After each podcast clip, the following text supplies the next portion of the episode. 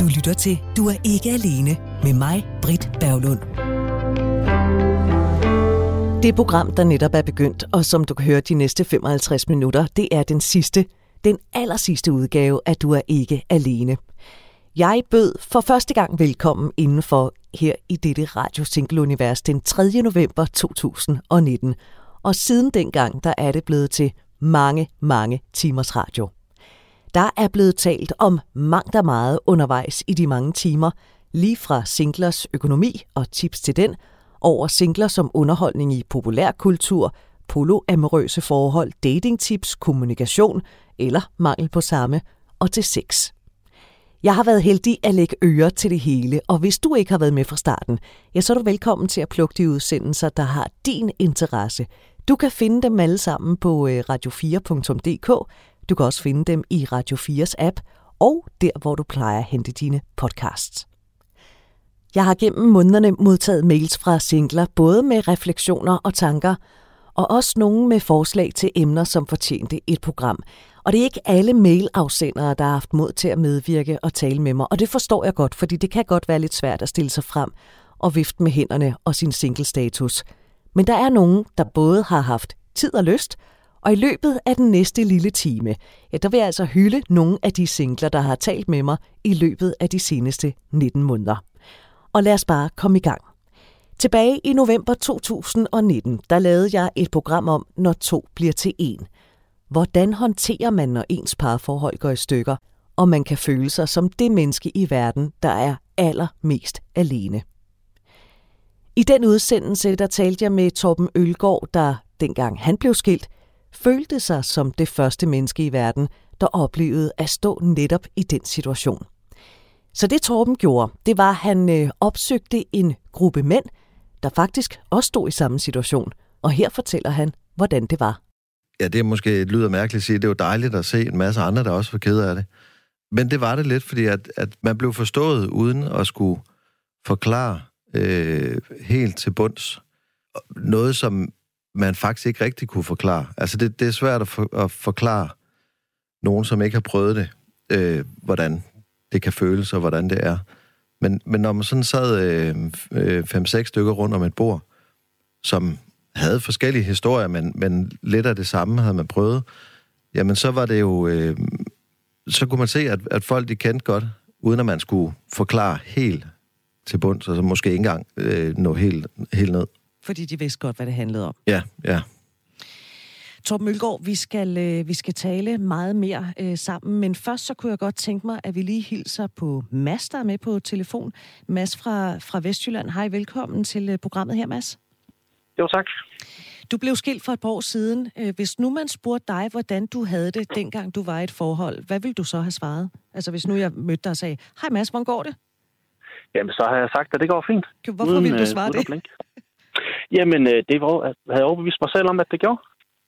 Og, øh, og havde du spurgt mig lidt mere, så havde jeg holdt stadig fast på det. Og det kunne da godt være, at åh, åh, det bliver bedre lige om lidt. Det, det skal nok gå. For et par år siden, der kom du så ud af forholdet. Ja. Hvad, hvad troede du på forhånd, at du kom ud til? Jamen altså, man står med den der følelse, at, at gennem årene, som, som der også blev nævnt i radioen lige før derinde, at omgangskredsen er jo forsvundet. Man har mistet mange af sine venner, og man ved måske ikke helt, hvor de, hvor de er henne mere. Man har ikke en tæt relation til dem. Det, det er i hvert fald den forventning, man har, når man går ud i det og er blevet skilt.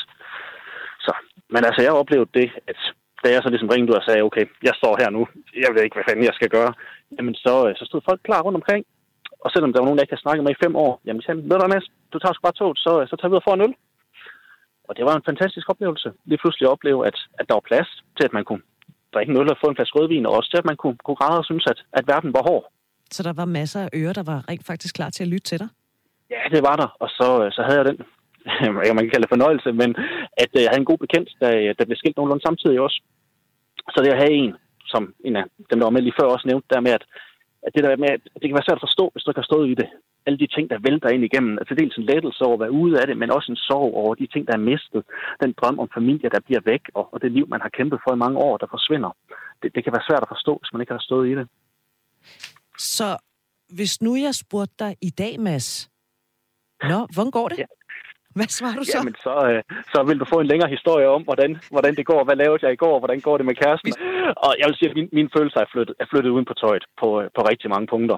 Det kan være utroligt befriende, og, og mange kollegaer og, og kammerater ved det jo også, at, at jeg vil gerne fortælle om, hvordan det går. Og det, og det har også betydet, at der er også nogen, der er kommet til mig, når vi for eksempel har været ude at fiske, som der lige blev nævnt før, det er jo en fantastisk ting, at man kan stå ved siden af hinanden, og man behøver ikke kigge hinanden i øjnene. Det er jo også en, en god bekendt, der lige pludselig siger jo ingenting. Konen, hun, øh, hun skrider sgu. Og så, så lige pludselig det der med, at, at jeg har åbnet op for det, og, og fortæller gladeligt om, om kæresten hun er en idiot, eller hvordan det går, at, øh, at det gør, at, at folk åbner op, og også gerne fortæller til mig, og kommer med nogle ting, som du måske ikke lige har set komme, og som de heller ikke måske selv ellers ville have sagt, men at man kan, man kan dele det med, med hinanden, når man først åbner op for det. Torben Mølgaard, tilbage til dig, fordi jeg ved, du kan ikke genkende til det her, hvis vi skal komme ind på, at du har jo en øh, vennegruppe fra din tid som studerende. Vil du ikke lige prøve at beskrive, hvordan det er foregået de første rigtig mange år, når I mødtes for eksempel til den årlige julefrokost? Så mødes vi i, i højt humør og starter derfra, hvor vi, hvor vi slap sidste år nærmest. Så er der lige sådan en øh, lynhurtig runde med, hvordan går det med konen? Tjek, det er fint. Og hvad med børnene? Tjek, det er også godt. Og arbejdet? Tjek, det er også godt. Og det er egentlig ret hurtigt overstået hele vejen rundt. Og så kan vi begynde at sige alt muligt plat og ligegyldigt. Og nej, ikke ligegyldigt, fordi det er faktisk også, det er jo rigtig sjovt, det der. Men, men det er i hvert fald ikke der, der er, er den største fokus på børn og arbejde og, og kone eller kæreste. Så gik der drengerøv i den, eller hvordan? Fuldstændig. Fuldstændig. Så har vi vores bob-turnering. og I løber halvnøgne rundt ude i kulden og sådan noget? Ja, ja. Også det. okay. Så den der samtale, den, den kan ikke have varet mange minutter? Nej, det, det var måske højst øh, den første, under den første øl, at så var det, så var det øh, klaret. Og så kunne, vi, så kunne vi jo gå i gang. Men altså, så, når vi så kom hjem dagen efter og, og blev spurgt om, hvad, hvordan har de andre det så? Jamen, de har det godt. Altså, så der var ikke så meget mere at, at kunne sige der. og der, der vil vi kvinder jo gerne have mere end vide. Ja, ja. Det. Ja, Jamen, ja. hvad med, og hvad med børnene, og hvad med arbejdet? Ja, men det alt, der alt var godt. Til kort. men du har jo så, Torben Mølgaard, siden fundet ud af, at det er faktisk ret vigtigt, det der med lige at få løftet ventilen og fået lukket noget damp ud. Så den her korte samtale til julefrokosten, hvordan går det med den nu, hvor alle så har svaret, det går fint. Er den så slut for dig? Altså, der var jo lige øh, den første gang efter, efter jeg blev skilt. Altså, der, der var min, øh, min runde på, hvordan det lige gik. Den, den var lige lidt længere. Og så siden da, der, øh, der var der lige nogle år, hvor, øh, hvor øh, eller også stadigvæk, hvor den har taget noget længere tid, og, og jeg måske, måske specielt lige mig, ikke, ikke bare har accepteret, at, at nå, det går fint.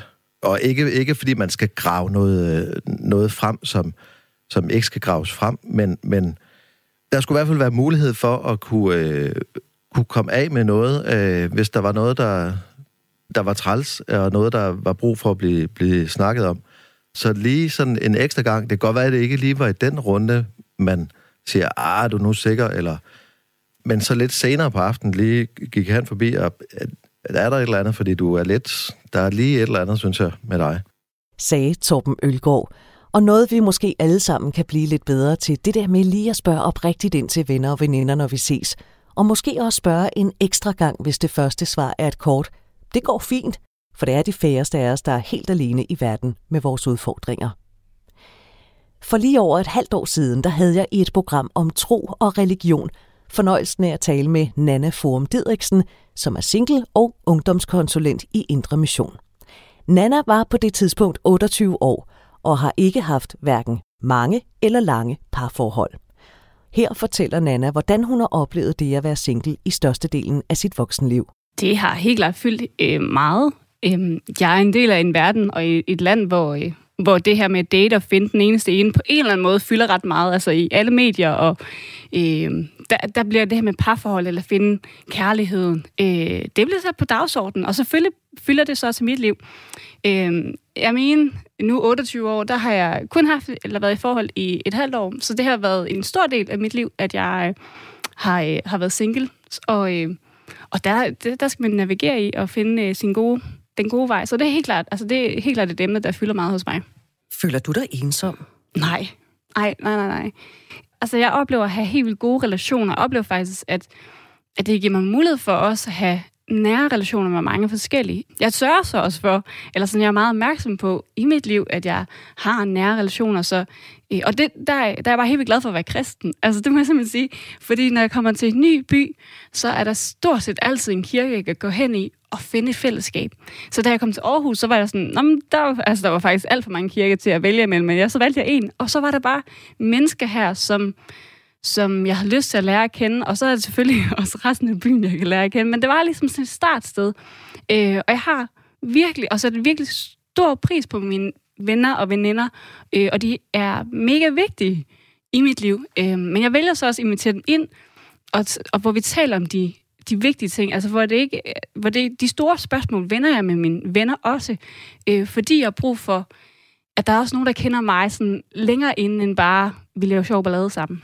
Ja, så gode relationer er mega vigtige som single. Og det er også derfor, det bliver så udfordrende, når der så er en god veninde, som finder en kæreste, fordi så, så gør det noget ved, ved den relation.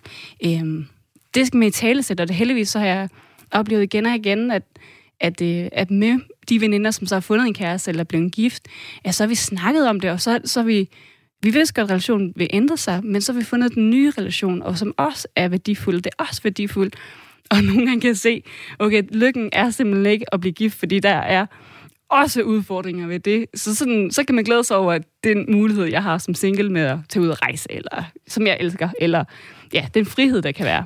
Ja. Der virker du jo som om, at du er virkelig god til at se på, okay, det kan godt være, at jeg er single, men så kan jeg alt det her, mm. i stedet for at fokusere på, jamen så går jeg klip af det her. Mm. Det er jo sådan, jeg oplever mig selv, men det har jo det har taget tid. Altså, det har været i mange år, jeg har længes efter det her parforhold, og længes efter, at der er en, der kunne lide mig. Øhm, og, jeg, og jeg ved også, at der er mange øh, af mine venner og veninder, som, som virkelig er udfordret, og det er jeg også nogle gange selv i, i perioder jeg, jeg, jeg tror netop, at på et tidspunkt, så, så, så besluttede jeg simpelthen for, okay, jeg, jeg vil have et godt liv, så længe at jeg er single, eller, og hvis jeg skal være single altid, så må det være sådan, det er. Så vil jeg se de ting, som jeg kan, øh, og jeg elsker, at jeg faktisk kan være meget for min niece og nivøer. At jeg kan bruge tid med dem, og øh, kan, altså på en helt anden måde, end deres forældre kan. Og, og det vil jeg ikke kunne, hvis jeg, havde, hvis jeg selv havde øh, børn, så kunne jeg ikke være det for dem. Eller være der for mine, mine venner, eller gøre en forskel i den her verden. Jeg ønsker virkelig at, at bruge meget tid på, at mennesker må, øh, må opleve omsorg. Og der er bare så mange mennesker derude, som er ensomme, så der er så mange mennesker, man kan gå ud og være noget for. Øh, og det, det tror jeg, det er, sådan, det er sådan blevet min livsmission. Og sådan, så må jeg være noget for dem, som, som så øh, har brug for det. Nana, som ungdomskonsulent i Indre Mission, der taler du med rigtig mange unge, der ja. er i alderen 13 til 28 år. Ja. Hvor meget fylder det her med kærlighed og parforhold og singleliv i de samtaler, som I har? Det fylder der helt klart noget. Altså, der, Jesus fylder mere, men, men parforhold og hele det liv at leve, det fylder rigtig meget. Fordi det er også i de her år, hvor man netop typisk finder en at finde sammen med, og der er en masse hormoner, der flyver rundt i hele kroppen, især på de yngste af dem.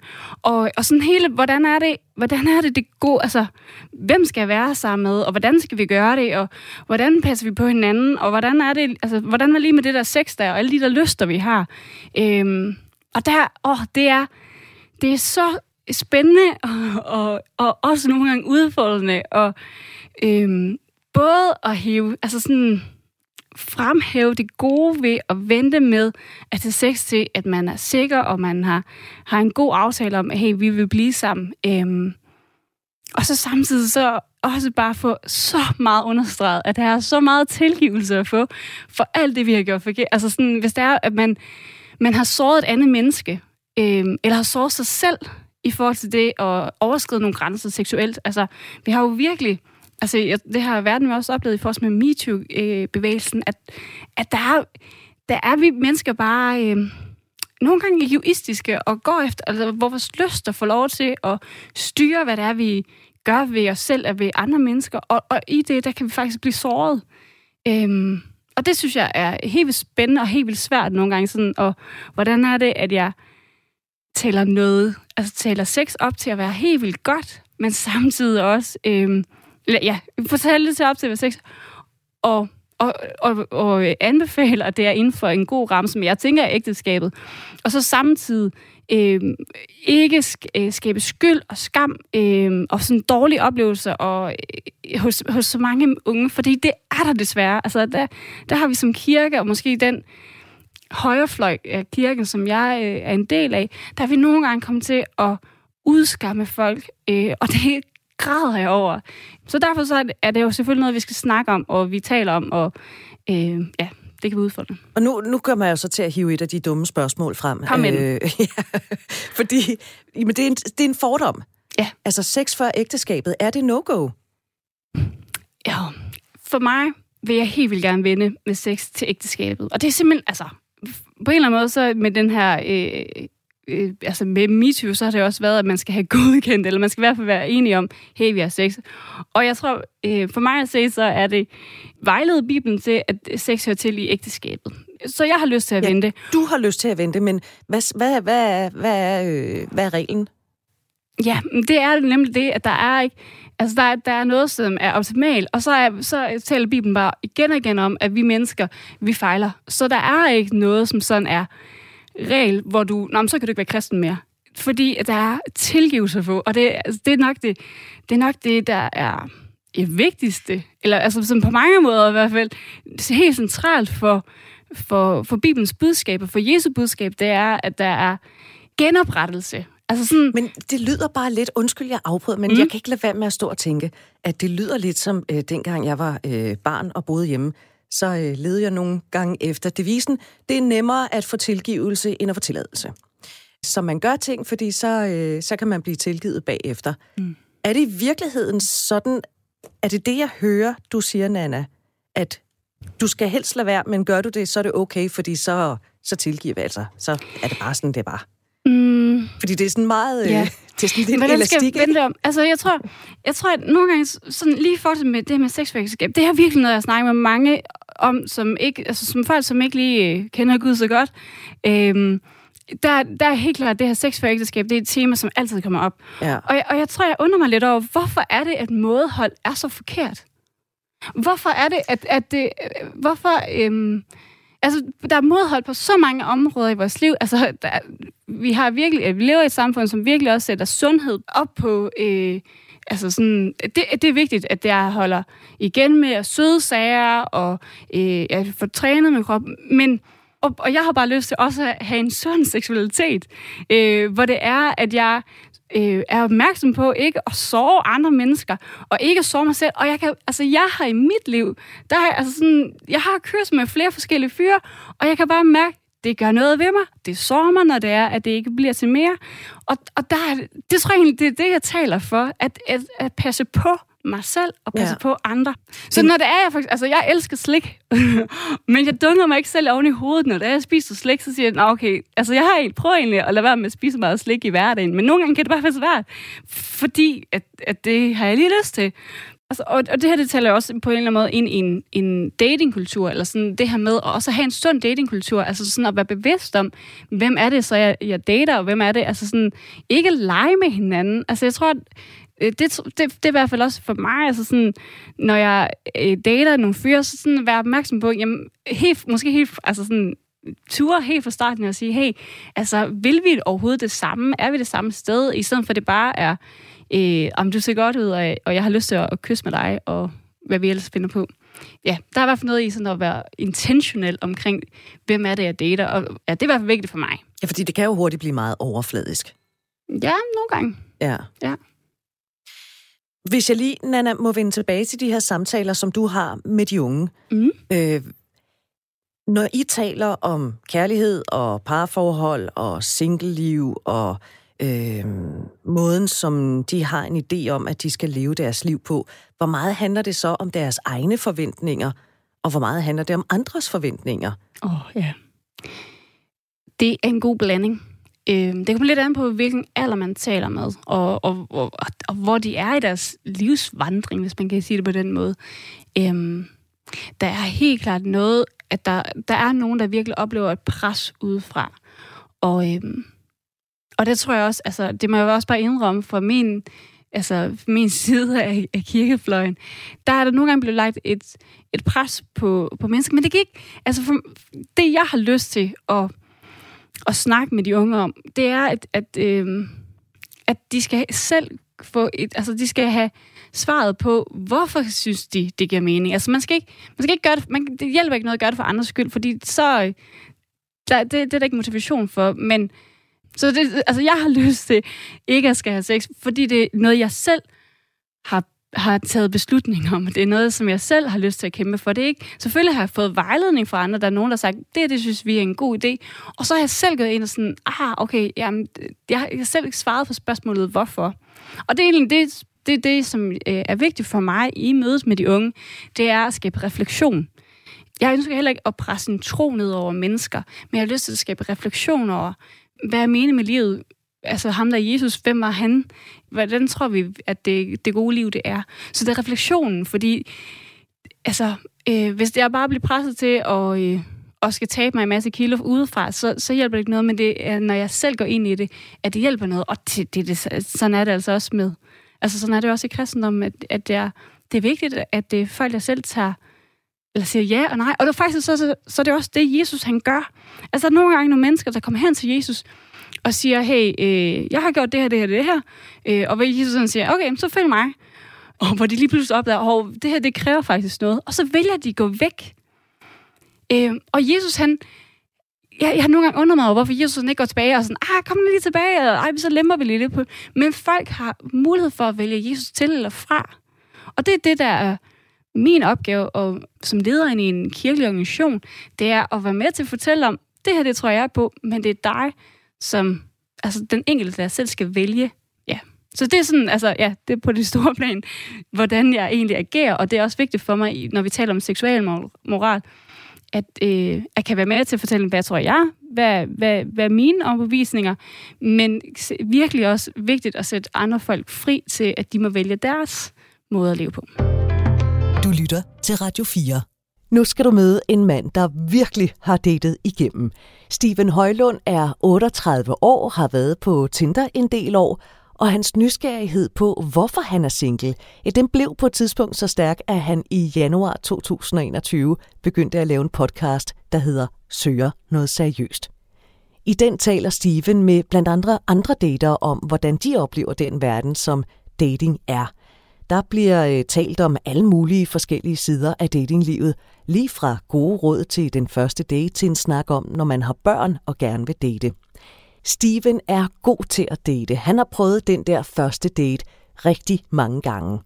Og når nu han har en vis erfaring ud i at date, så spurgte jeg ham selvfølgelig, hvor mange dates han har været på det seneste års tid. Åh oh, ja, det er et godt spørgsmål. Jeg har lyst til at sige rigtig mange, men øh, hvis jeg skal være lidt mere præcis, så øh, 60. Altså det vil være sådan et skud fra hoften. Altså det kommer sig af, hvis man sådan lige regner på det, så tænker man, hold op, det er mange, men jeg har også været på virkelig mange. Altså så gennemsnit på sådan, måske ja, ja, ja, der er jo selvfølgelig nogle uger, hvor man er ude og, eller været lidt væk og sådan nogle ting, men det kan godt være, det er flere faktisk. Altså sådan tre om ugen er ikke helt for, forkert, og jeg kan da huske weekender, hvor jeg har været på fem dates. Fem dates, Steven Højlund? Ja, Fem dates? Hvordan ja. kan du sidde med date nummer et, og så være nærværende, velvidende, at du skal på date nummer to, måske om øh, tre timer, og så i ja. øvrigt nummer tre og fire i morgen? Det er et godt spørgsmål, og også nogle gange en udfordring. Men, men øh, jeg tror, når man har været på tilpas mange dates, så... Um, altså, jeg er relativt ekstrovert, og jeg er ikke nervøs som sådan. Jeg tager det også som en, øh, en oplevelse. Jeg, jeg går på daten, fordi jeg ser et kærestepotentiale. Så jeg har ligesom en hvad kan man sige, ikke en metode, der er ikke nogen bestemte spørgsmål, men der er i hvert fald nogle spørgsmål, jeg gerne vil have stillet, og sådan ligesom fornemmet og fornemmet kemien, uden at det behøver at være sådan lynet slår ned og sådan nogle ting. Man kan sagtens mødes til en nummer to date, uden at, at øh, det var det helt vilde den første øh, gang. Men der er ligesom nogle ting, som jeg sådan, ligesom gerne vil finde ud af, også fordi mange kvinder skriver jo ikke noget i deres profiler. Så derfor så medmindre man skal være meget kedelig, når man sidder og skriver sammen, og sådan, om, hvad, hvad laver du så til daglig, altså hvilke arbejde har du, og hvilken uddannelse har du. Så nogle gange er der nogle af de sådan meget fundamentale spørgsmål for mig at se, som ligesom øh, er tilbage på en første date. Og så ser jeg det egentlig også bare som, at øh, jeg i kraft af, at mange af mine venner er flyttet til forstederne, og der har været corona, så har det været en ganske glimrende måde, end at bare møde andre mennesker på, at komme ud og snakke med andre mennesker på. Så jeg kan egentlig godt hvile i det, altså uden at det er sådan, øh, det lyder meget sådan, åh, dates og sådan, men, men jeg er lidt mere afslaget omkring det, tror jeg bare. Okay, øh, så hvor nogen går til fodbold eller keramik, der går du så på date? så går jeg til dating. Ja, Nå, prøv at høre. Du er jo mand, der dater kvinder. Jeg er en kvinde, der dater mænd. Du taler med, med andre singler, og specielt i din podcast søger noget seriøst. Kan du sige noget om, hvor stor forskel på måden mænd og kvinder går til Tinder og dating på? Altså, hvad er forskellene? Det er svært, fordi at, at det er jo en individuel uh, metode, men jeg tror helt klart, vi var lidt inde på det, at, at kvinderne er, er bedre til at tale i dybden om de forskellige dates, man har været på. Det er min helt klare opfattelse øh, både på godt og ondt, kan man sige. Øh, hvor at vi, men vi skøjter måske lidt på overfladen. Vi taler også om det, sådan, men vi går ikke sådan helt i dybden omkring, når det handler om følelser og og, og, og hvordan vi egentlig har det med at være i den situation. Vi kan godt sige, at det er nederen, og så er vi bare videre i teksten, ikke? men altså lidt mere sådan gå til stålet omkring følelsen, tror jeg vil være en god ting for os mænd. Og så tror jeg, at der er stor forskel på, hvordan vi ser det her game, når det er ligesom er når normen, når kulturen ligger op til stadigvæk, at det er mændene, der har serveretten. Jeg ved godt, der er mange, der protesterer, og mange kvinder, der siger, at vi skriver også først, og så videre, og så videre. Og jeg kan måske også mærke, at der er en lidt tendens til, at det sker mere og mere. Men alt andet lige, så er det stadigvæk os, der har serveretten. Derfor så skal man bare indstille sig på som mand, at du får, øh, hvad kan man sige, bliver ghostet rigtig meget, ikke? Altså, at du ikke øh, får svar. Og det ved jeg, at det siger mange piger også, at det sker jo også for dem. Så, men der jeg synes jeg, at du skal ringe rundt til samtlige mænd, der er på Tinder og fortælle, det er dem, der har serveretten, fordi jeg oplever så dem, der ikke gør noget ved bolden. Lad nu det ligge. Nå, du har været på rigtig mange dates. Du har også datet mange forskellige nationaliteter. Du har allerede været lidt inde på den der første date og sådan noget det er jo svært, og vi er alle sammen individuelle. Men hvis du nu, fordi du har den erfaring, du har i at date, det kan jo godt nogle gange opleves lidt som den vilde vesten, hvor man også skal, skal passe på sig selv. Hvis du nu, Steven Højlund, fik lov til at tegne et billede af den ultimative første date, hvordan skulle den så se ud? Så vil jeg så sige, at det kommer an på, hvad du søger. så, Lad os fordi, sige, jeg søger noget seriøst. ja, fordi hvis du søger noget seriøst, så vil jeg sige, så, så den første date, det er en, hvor at I lærer hinanden at kende og kommer tæt ind på hinanden, altså ikke nødvendigvis fysisk, men, men simpelthen, at, hvor at man har mulighed for at spørge ind til de ting, man gerne vil, vil vide om hinanden og, og få afklaret. Og så ligesom få mærket, om der er en tiltrækning sådan fysisk omkring noget forelskelses, altså forelskelsespotentiale, altså en umiddelbar tiltrækning, men også om der er en, hvad kan man sige, et vennepotentiale slash mulighed for, at det her, det kunne blive en, man delte sit liv med. Og det er jo det, der gør det så svært, når man leder efter en kæreste, fordi at hvis du bare er ude efter øh, øh, sex, for at sige det som det er, så kan du gå med det første. Altså er der en umiddelbar tiltrækning? Ja, det er der. Fint. Så kan man ligesom hoppe i kanen og få det overstået. Men, men hvis du leder efter den her, øh, hvad kan man sige, det længere sigt, så er der altså en del flere baser, synes jeg, at man skal have dækket, for at man ligesom, øh, at det har været en god date. Steven, hånden på hjertet. Er din øh, podcast et trick? Er det en genvej til at finde en kæreste? Der er nogen, der hører den og tænker, han lyder mega nice, ham der Steven. Jeg tror sgu lige, jeg skriver til ham. Whatever it takes.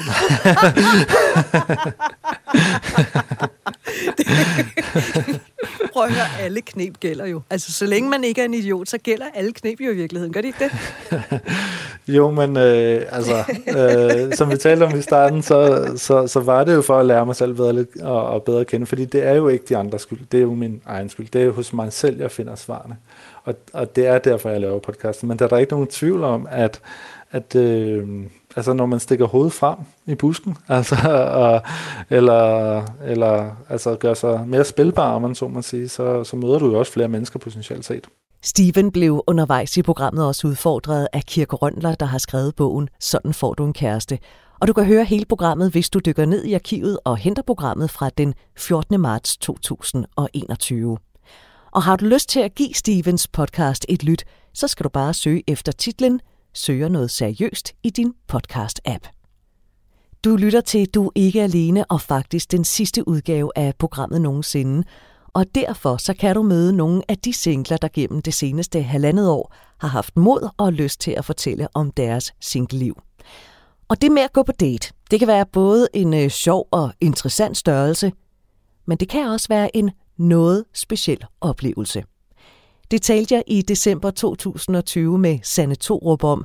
Sanne har en mild spastisk lammelse, og hun ville ønske, der var lidt mere høflighed i datingverdenen.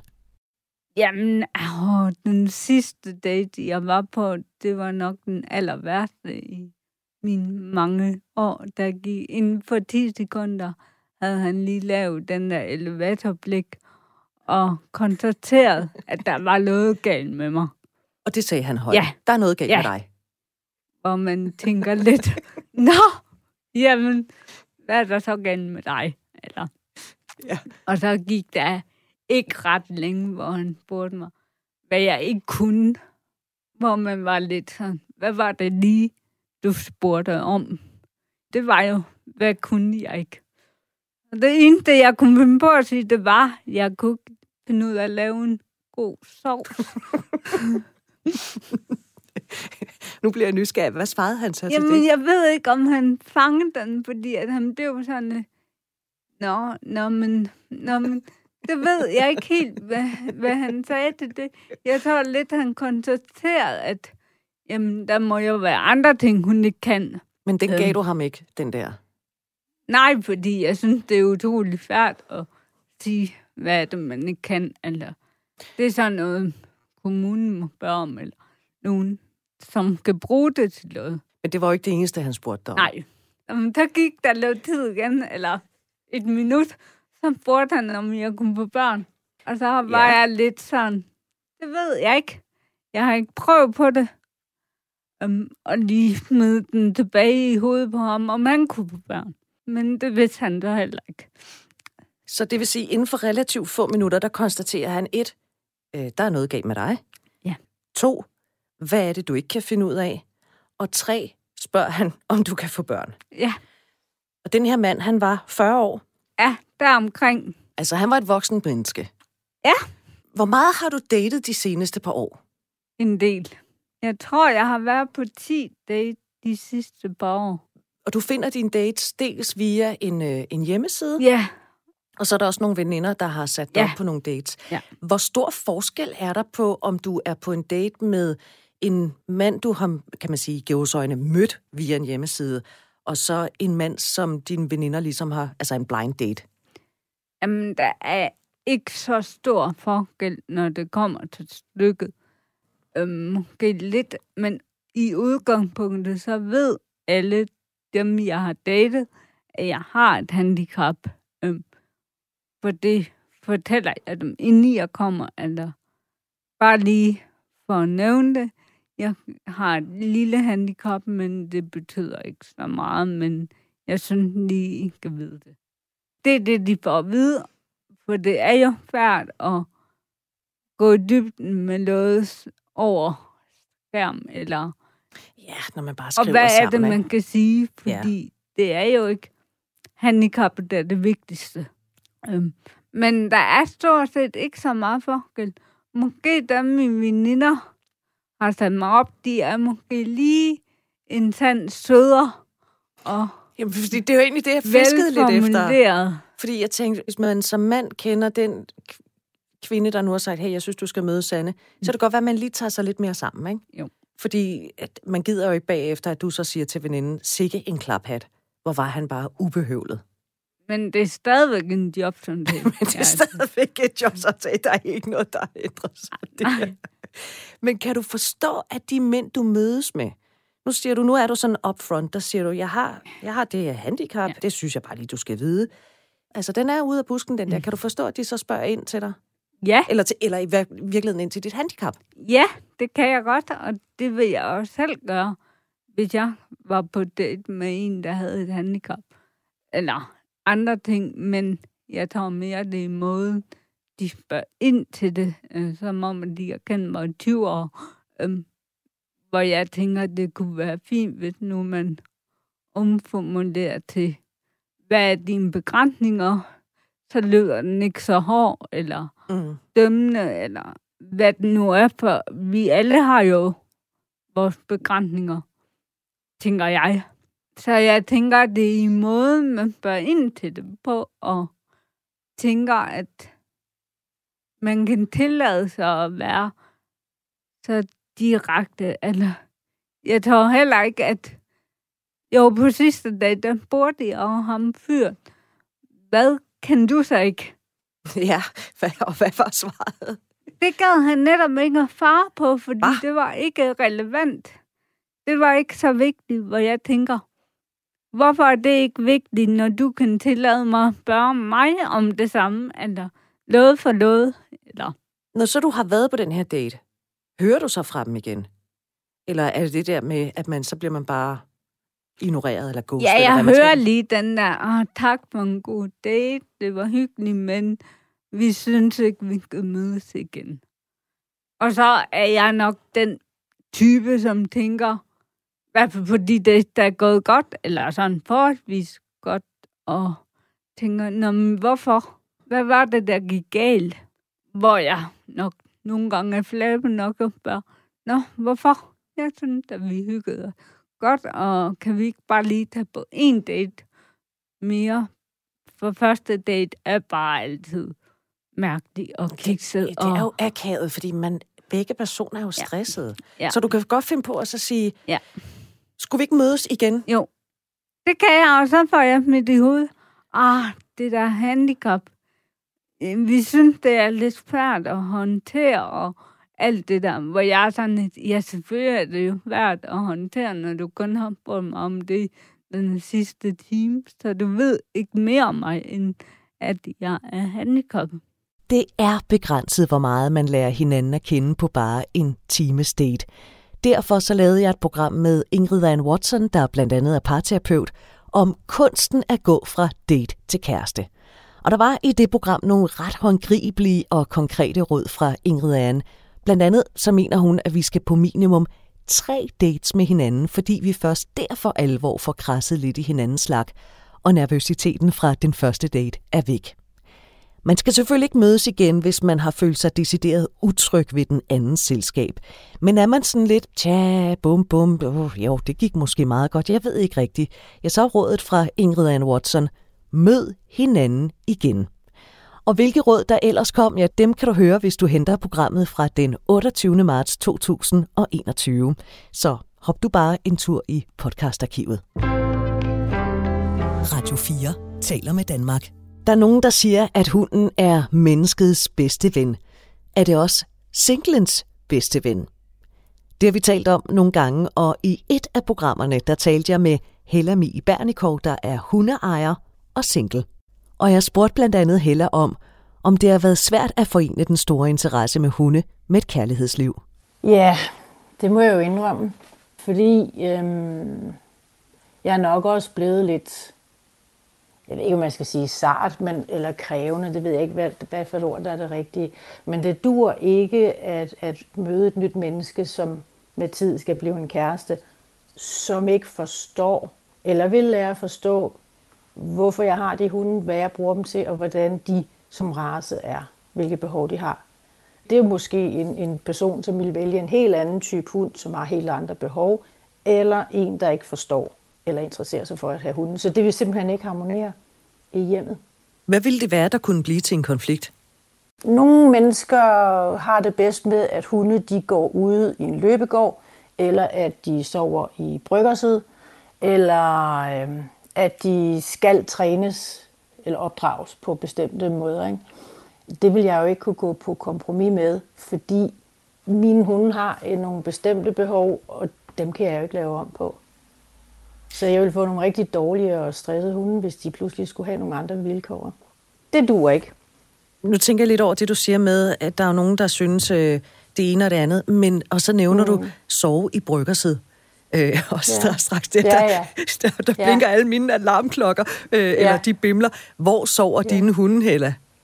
De sover der, hvor de vil sove.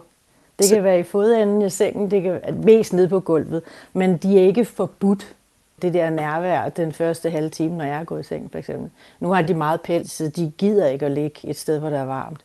Der er jo nogen, der er sådan meget øh, principfaste. med, at de må ikke være i sofaen, de må ikke være i sengen, og det har jeg fuld respekt for, men det er ikke sådan, mit hjem er indrettet i hvert fald.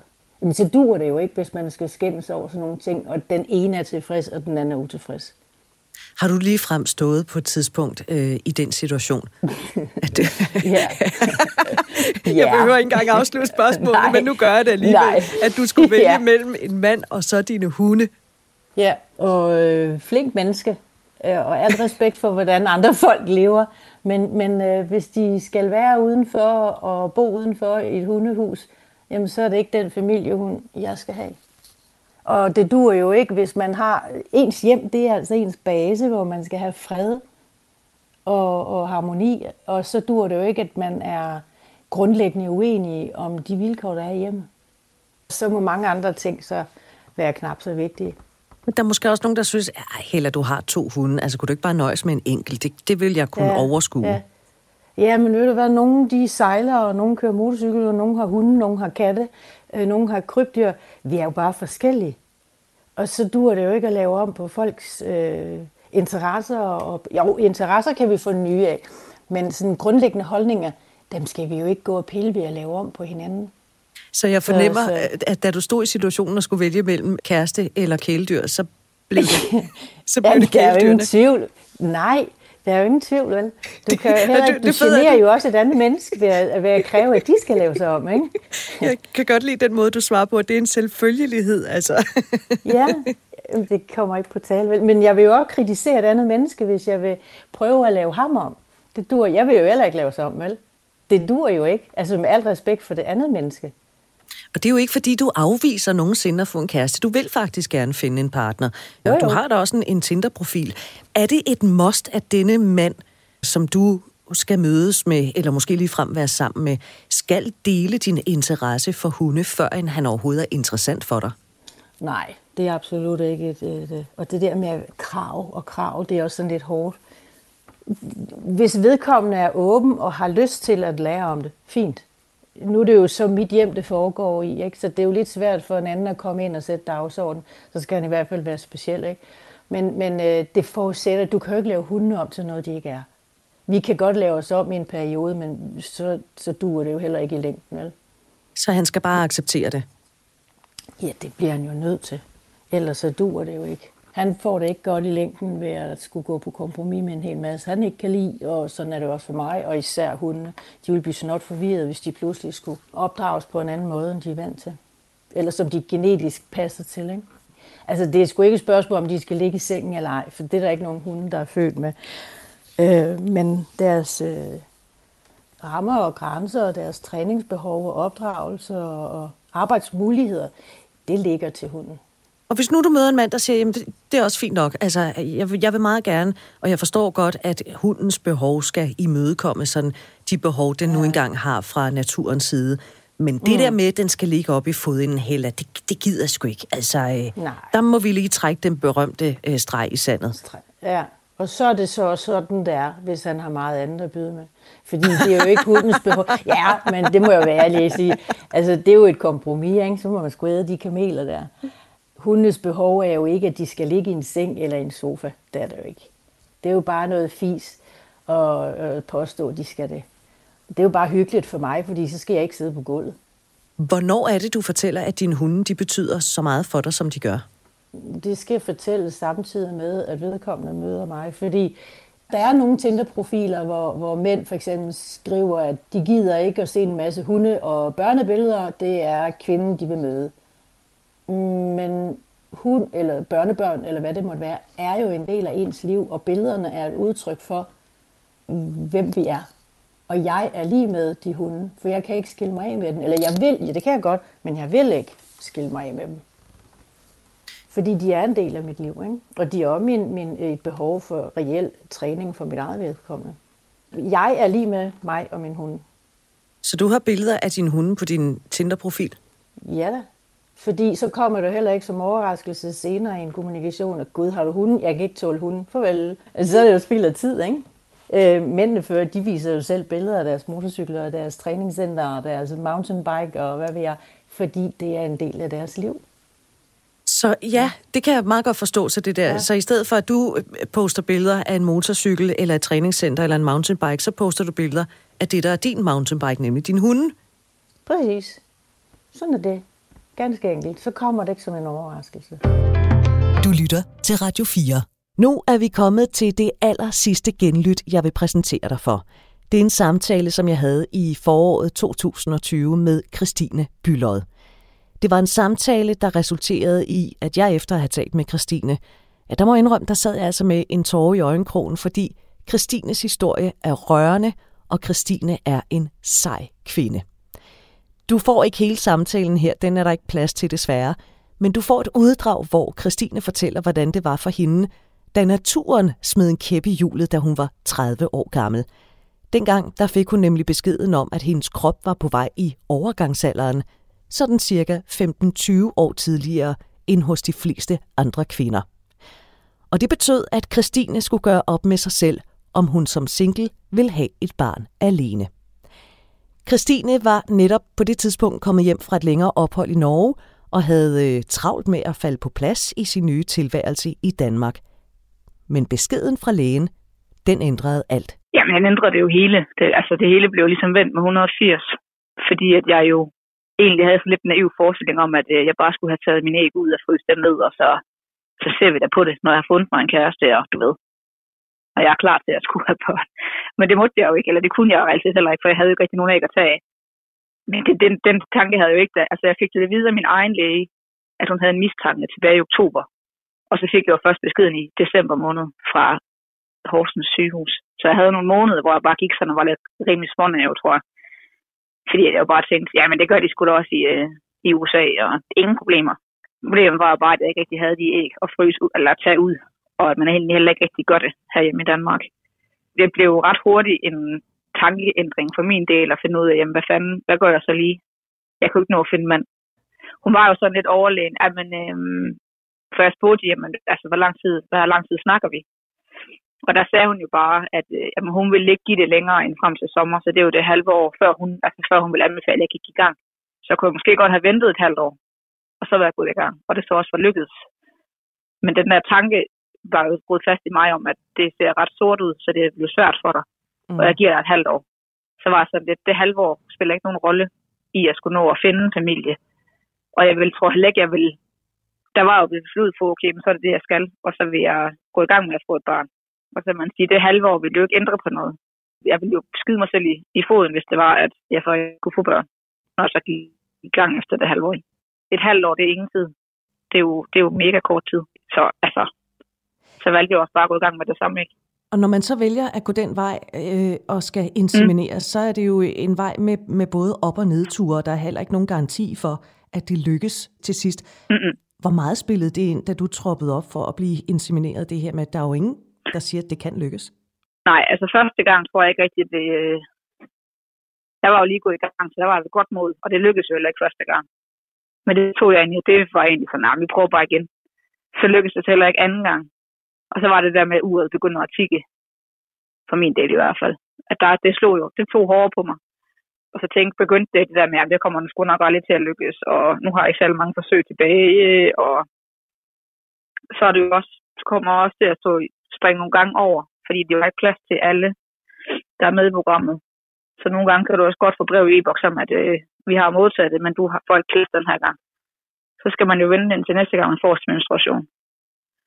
Og der blev jeg presset, for jeg får den jo ikke. Så jeg skulle jo vente lidt længere end normalt. Så skulle jeg have piller for at få min menstruation. For at så at ringe igen, ikke? Så altså, der begyndte det ligesom at presse på for min del, at det kan skulle godt være, det ikke lykkes. Og der på det tidspunkt, der var jeg jo først besluttet på, at det er det, jeg skal. Så det var jo pisse hårdt. Men øh, det lykkedes jo så til sidst.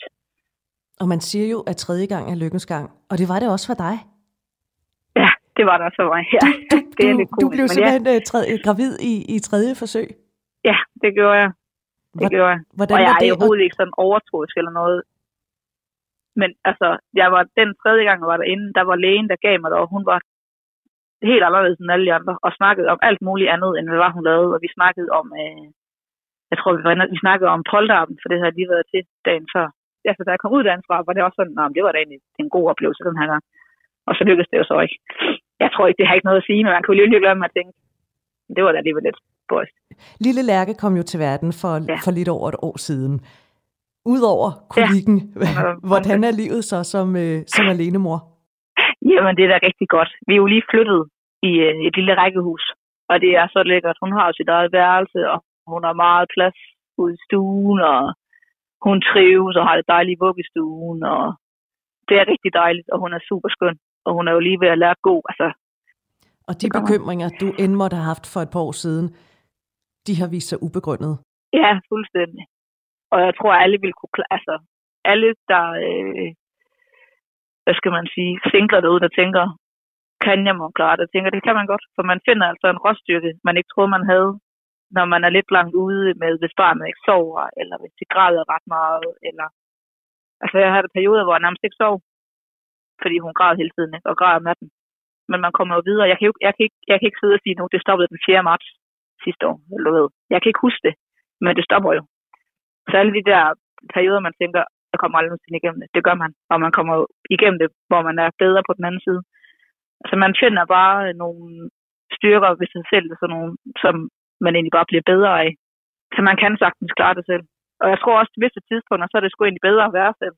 Du står og jeg skal diskutere med en eller anden omkring opdragelse, eller omkring, hvad man lige tænker med mad, eller der har man jo sig selv og sine egne tanker. Så der skal, altså, i den stand tror jeg, at der er det meget godt at være selv. Jeg skal ikke diskutere med nogen. der kan man sætte og det er også snakket med min kusine om. Prøv lige at overveje det. Ja, ja, præcis. Prøv lige at overveje det. Det bliver da mega fedt. Du skal ikke stå og... Du bestemmer bare det hele selv, og det har hun jo ret i det er jo mig og mig alene, der skal opdrage Lærke, ikke? og få hende til at blive en uh, selvstændig stærk pige. Der skal jeg ikke blive træt af, at kæresten ikke har tændt opvaskemaskinen. Eller, du ved, så nogle fra møde, historier på mødergruppen kan også bare sidde og tænke, ja, for du det problem har jeg ikke. Hvor vi lige mødes, at den ene gang, så skal de lige rase ud over mændene, der ikke laver en skid og bliver sure over, at de ikke har lavet noget, fordi at de passer jo bare bare. Og jeg siger, ja, ja, jeg kan ikke blive irriteret over det, for jeg oplever det ikke. Vel? du ved. Det synes jeg er bare sjovt. Hele Kristines historie kan du høre, hvis du henter det program, der handlede om børn. Det blev sendt for næsten præcis et år siden, nemlig den 31. maj 2020. Og så er vi altså kommet til vejs ende i denne aller sidste udgave af Du er ikke alene.